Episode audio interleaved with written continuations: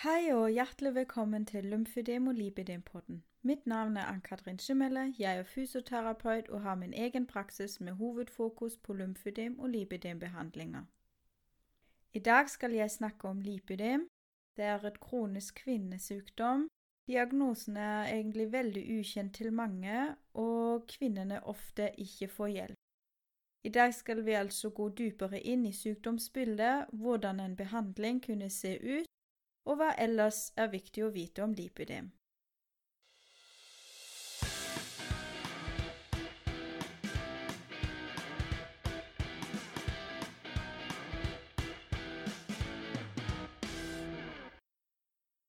Hva er altså lipidem, og hvordan oppstår det? Lipidem er et kronisk genetisk sykdom som hovedsakelig kvinner blir rammet. Man kaller det en symmetrisk, unormal fettfordeling som begynner i beina og kan også oppstå i nedre delen av magen og armene. Årsaken er ikke helt klar enda, men man antar at årsaken har noen hormonelle grunner. Kvinner ofte blir rammet av sykdommen etter pubertet, svangerskap eller minopausen. Man vet også at det kan hoppe over flere generasjoner, og også menn kan ha det i genene sine og gi det videre til barna. Sykdommen blir ofte forvekslet med overvekt, dessverre også ofte fra fastleger. Men lipødemfettet fordeler seg litt annerledes enn vanlig fett. Så er f.eks. føtter og hender ikke ramma, og overkroppen er særlig i begynnelsen ofte veldig slanke, og bare fra hoften og nedover ligger ja, hovedproblemet. En del av lipidem-pasienter blir i tillegg overvektig, men det må allikevel skyldes mellom lipidem og den vanlige fettet. Kvinner med lipidem får lett blåmerker, de angir en tungefølelse i beina som om det skulle sprengs, de har vondt, ofte lider de også psykisk under sykdommen, Sykdommen kan bli verre med tid, og da blir det av og til vanskelig for dem å akseptere kroppen sin lenger. De kan ha smertene i ro, men også når de går, for eksempel. De blir veldig frustrert når de prøver å slanke seg, fordi det bare Ja, de kan bare redusere det vanlige fettet, men ikke lipidemfettet i samme grad.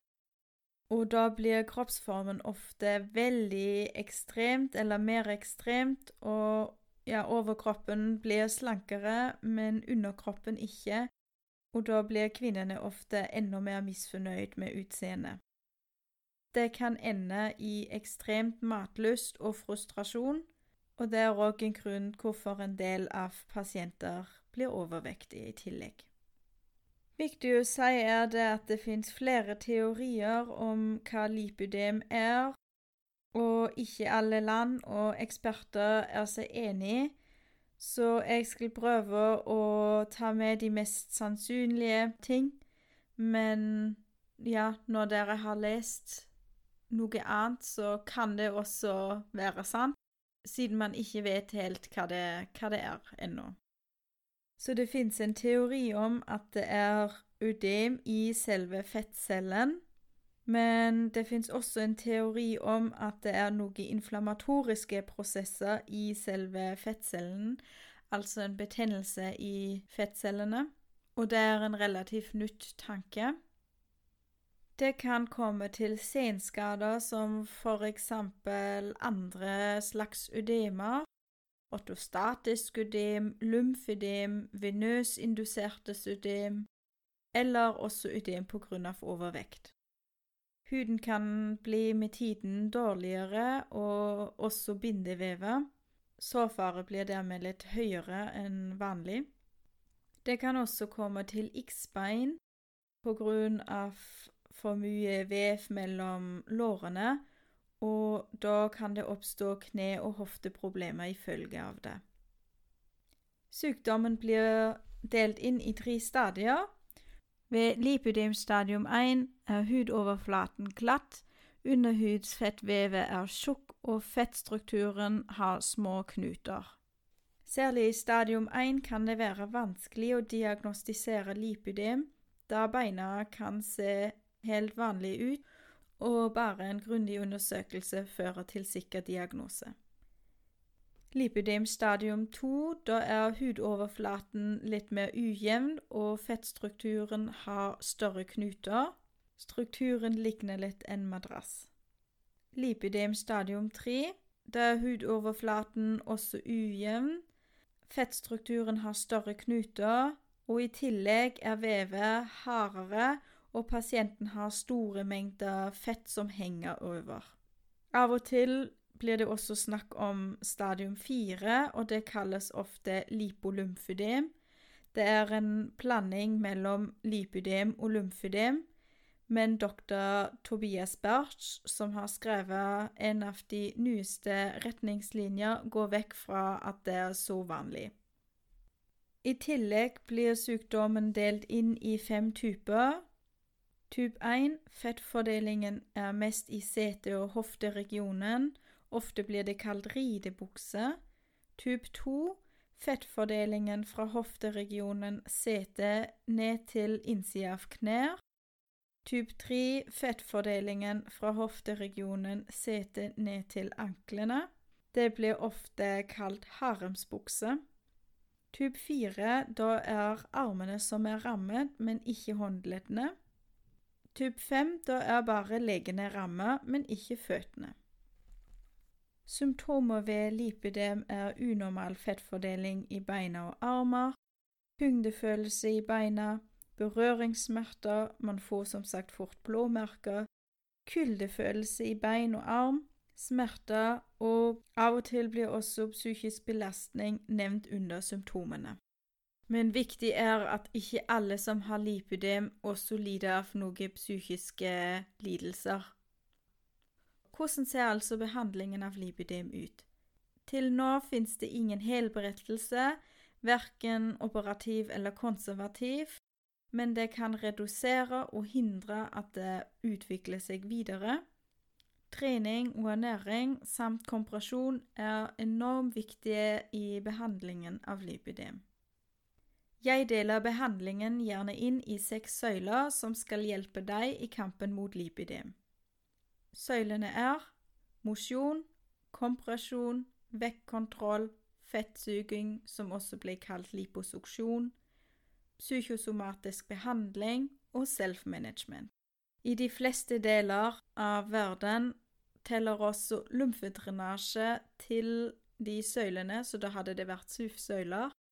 Men doktor Berts går litt vekk fra lymfedrenasje jeg skal utdype det litt seinere. Hva kan man da egentlig oppnå med denne behandlingen? Før man starter behandlingen, så er det veldig lurt at du formulerer et mål. Hva plager deg mest, og hva er viktig for deg? Er det mer å redusere smerter eller tyngdefølelsen? Kunne du fungere bedre i hverdagen? Har du vansker å akseptere kroppsbildet? Vil du redusere vekt, eller vil du øke og forbedre fysisk uh, aktivitet? Og så skal behandlingen bli tilpasset etter de målene som du har satt. Da skal jeg utdype litt de seks, uh, henholdsvis syv søyler. Starter vi med mosjon. Vi vet alle at regelmessig fysisk aktivitet er viktig, og det gjelder også for lipidem. Fysisk aktivitet reduserer de inflammatoriske prosesser i kroppen og sørger for at cellene får nok oksygen. Det er viktig at du finner noe du har glede av og du føler deg bra med. Du kan gjøre vanlig styrketrening, kondistrening eller teamsport, også regelmessige turer i naturen er bra. Det fins en del treninger som egner seg bedre enn andre, men det må som sagt ikke bety at du må slutte med noe du liker. Viktig er at du hører på kroppen din, han viser deg om det går bra eller ikke. Trening i vann, som for eksempel svømming eller vanngymnastikk, egner seg særlig for lipidem fordi det er ekstra skånsomt til leddene dine, og du får kompresjon på beina i tillegg. Det fins også en spesiell slags trampolinetrening som er veldig bra og veldig gøy, faktisk. Viktig er når du trener, at du trener med kompresjonsplaggene dine, da det gjør effekten av både treningen og kompresjon enda bedre. Da går vi videre til søyle kompresjon. Selv om kompresjonsplagg da ikke reduserer væske i kroppen som man antok før, så er det fortsatt en viktig del av behandlingen. Kompresjon har nemlig en antiinflammatorisk effekt og støtter dermed også oksygenopptaket i cellene. Det fins flere forskjellige kompresjonsplagg til daglig bruk, nattstrømper, bandasjering og virkelig mye, mye mer. Så da skal jeg sikkert en gang ta en egen episode bare om kompresjonsplagg. Men viktig er at eh, kompresjonsplagg blir tilpasset etter målene dine og etter ditt behov. Så kommer søyle vekk-kontroll. Som jeg har nevnt før, er mange pasienter med lipidem også overvektige i tillegg. Og det er ikke noe å skamme seg over. Overvekt er også sykdom, og det kan behandles.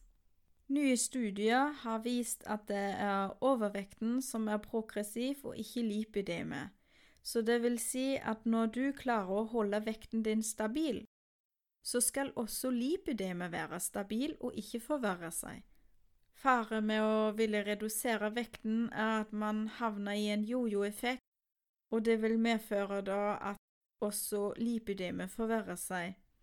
For å unngå dette er det lurt å bestemme seg for et sunt og variert kosthold som du kan beholde hele livet ditt. Det er altså ikke lurt å gjøre noen dietter og hoppe fra diett til diett og prøve forskjellige ting, og så går man tilbake til vanlig kosthold igjen, fordi da kommer jojo-effekten, og når du da går opp i vekt, så trigger det også lipideme, og det kan bli verre. Det fins faktisk matvarer som virker inflammatorisk eller antiinflammatorisk, og det er jo veldig lurt da å kutte ut inflammatoriske produkter og spise mer antiinflammatoriske produkter. Matvarer som inneholder mye karbohydrater, sukker, melkeprodukter, salt, rød kjøtt og mye mer, trigger betennelsesprosesser i selve cellene så det er veldig lurt å kutte de ut og spise minst mulig av dem. Allikevel kan det av og til være hensiktsmessig å slanke seg, men da er det viktig at man har god kontroll og ikke overdriver det.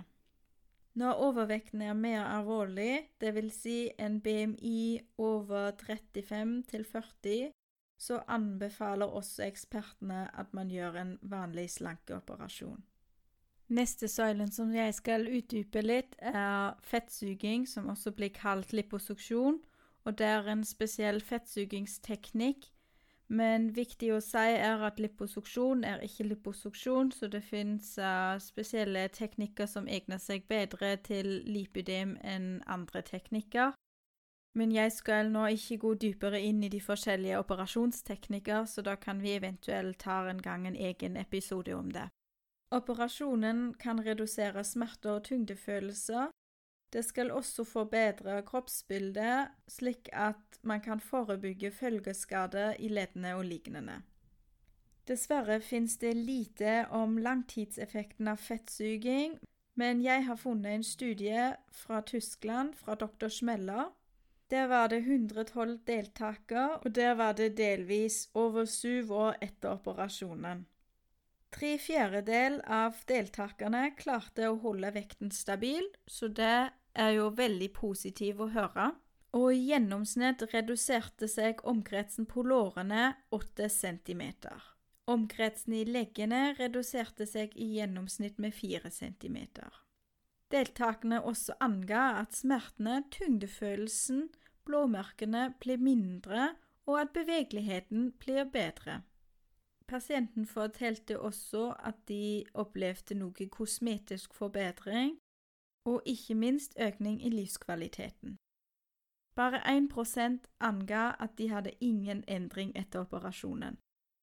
22% trengte ingen terapi lenger, 20% trengte ingen kompresjon lenger, 9% var bare av og til til lymfedrenasje, 30% trengte mindre kompresjon og lymfedrenasje, og 20% trengte samme mengde av kompresjon og lymfedrenasje som før operasjonen. Jo verre symptomene var før, jo mer effekt hadde pasienten av operasjonen, og jo større var endringene. 1,4% fikk noe infeksjon i etterkant av liposuksjonen og 0,3% blødninger. Viktig å si er at en del av de 20 uten kompresjon hadde før operasjonen også ikke kompresjon, og det samme gjelder også for lymfedrenasje. Det høres jo veldig positivt ut at det kunne forbedres og endres så mye også syv år etter operasjonen. Viktig da i tillegg er bare at man er litt bevisst på at det betyr det er ingen healing, men man kan forbedre livskvaliteten veldig bra. Studien viser også hvor viktig den konservative behandlingen er både før og etter, da det er mer enn 60% som fortsatt trenger behandling.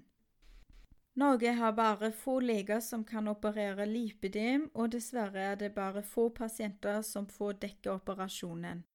Ofte trengs det fra én til syv operasjoner, så det er ikke bare bare. Jeg anbefaler mine kunder at de starter først med konservativ behandling, da det trengs uansett, også før operasjonen, og da er de allerede vant til og må ikke stresse seg, særlig etter operasjonen. Når man har vondt, så er det jo kjekt når du allerede vet hvordan du tar på kompresjonsplagg og hva du må passe på. Ernæring er også etter operasjonen veldig viktig, og da er du allerede rutinert og vet hva som funker bra for deg. Når vi snakker om den psykosomatiske behandlingen, så er det viktig å huske at ikke alle trenger den slags behandlingen, men det kan påvirke mentale helsen din. Overvekt, smerter døgnet rundt og flere andre aspekter spiller en rolle, og det kan selvfølgelig være veldig plagsomt. En psykosomatisk behandling kan hjelpe deg å tåle smertene bedre. Det finnes spesielle teknikker som kan redusere smerteopplevelsen din, og også selvakseptans kan være et mål i behandlingen. Psykoterapi er særlig viktig når du har flere andre alvorlige sykdommer, som for eksempel depresjoner eller matforstyrrelser. Yoga, spesielle avslapningsteknikker og andre treningsformer kan støtte en psykosomatisk behandling. Føler du for eksempel behov for å prate med andre lipidempasienter, så anbefaler jeg deg å melde deg inn i Norsk lymfydem- og lipidemforbund. Der kan du treffe andre, og du kan dele erfaringene dine. Det fins også en rekke Facebook-grupper. Self-management er en veldig viktig søyle, syns jeg i hvert fall, da du kjenner deg best, og du er den som har ansvaret for kroppen din. Det er viktig at du er sjølbestemt og ikke bare ligger deg i andre sine hender.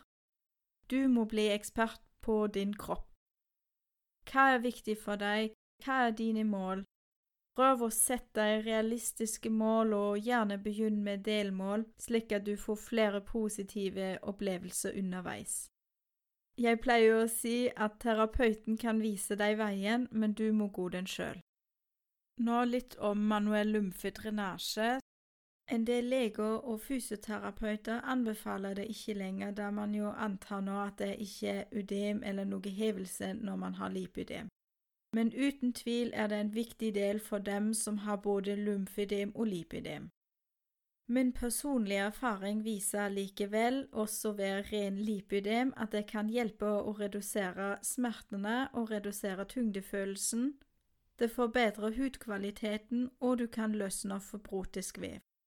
Manuell lymfedrenasje kan også forebygge andre slags ødemer, som for eksempel lymfødem.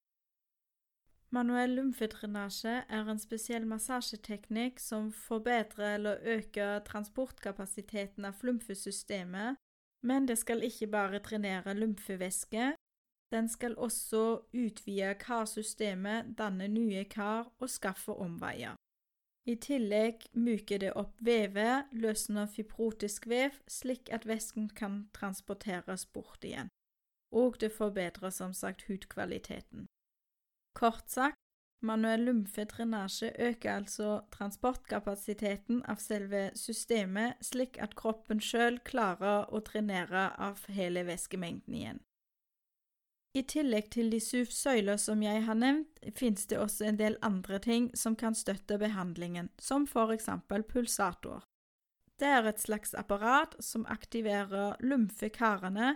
Viktig å nevne er at det ikke erstatter manuell lymfedrenasje, men det er veldig bra i tillegg. Den er tenkt til hjemmebehandling, slik at du får hyppigere behandling, og den kan også redusere smertene og tyngdefølelsen. Jeg bruker gjerne noe som heter kinesiotaping, og den teiper støtter og aktiverer lymfesystemet. Vi kan teipe det på kroppen slik at det virker veiledende, at jeg kan myke opp vevet, og en stor fordel er at jeg kan tilpasse teipen individuelt.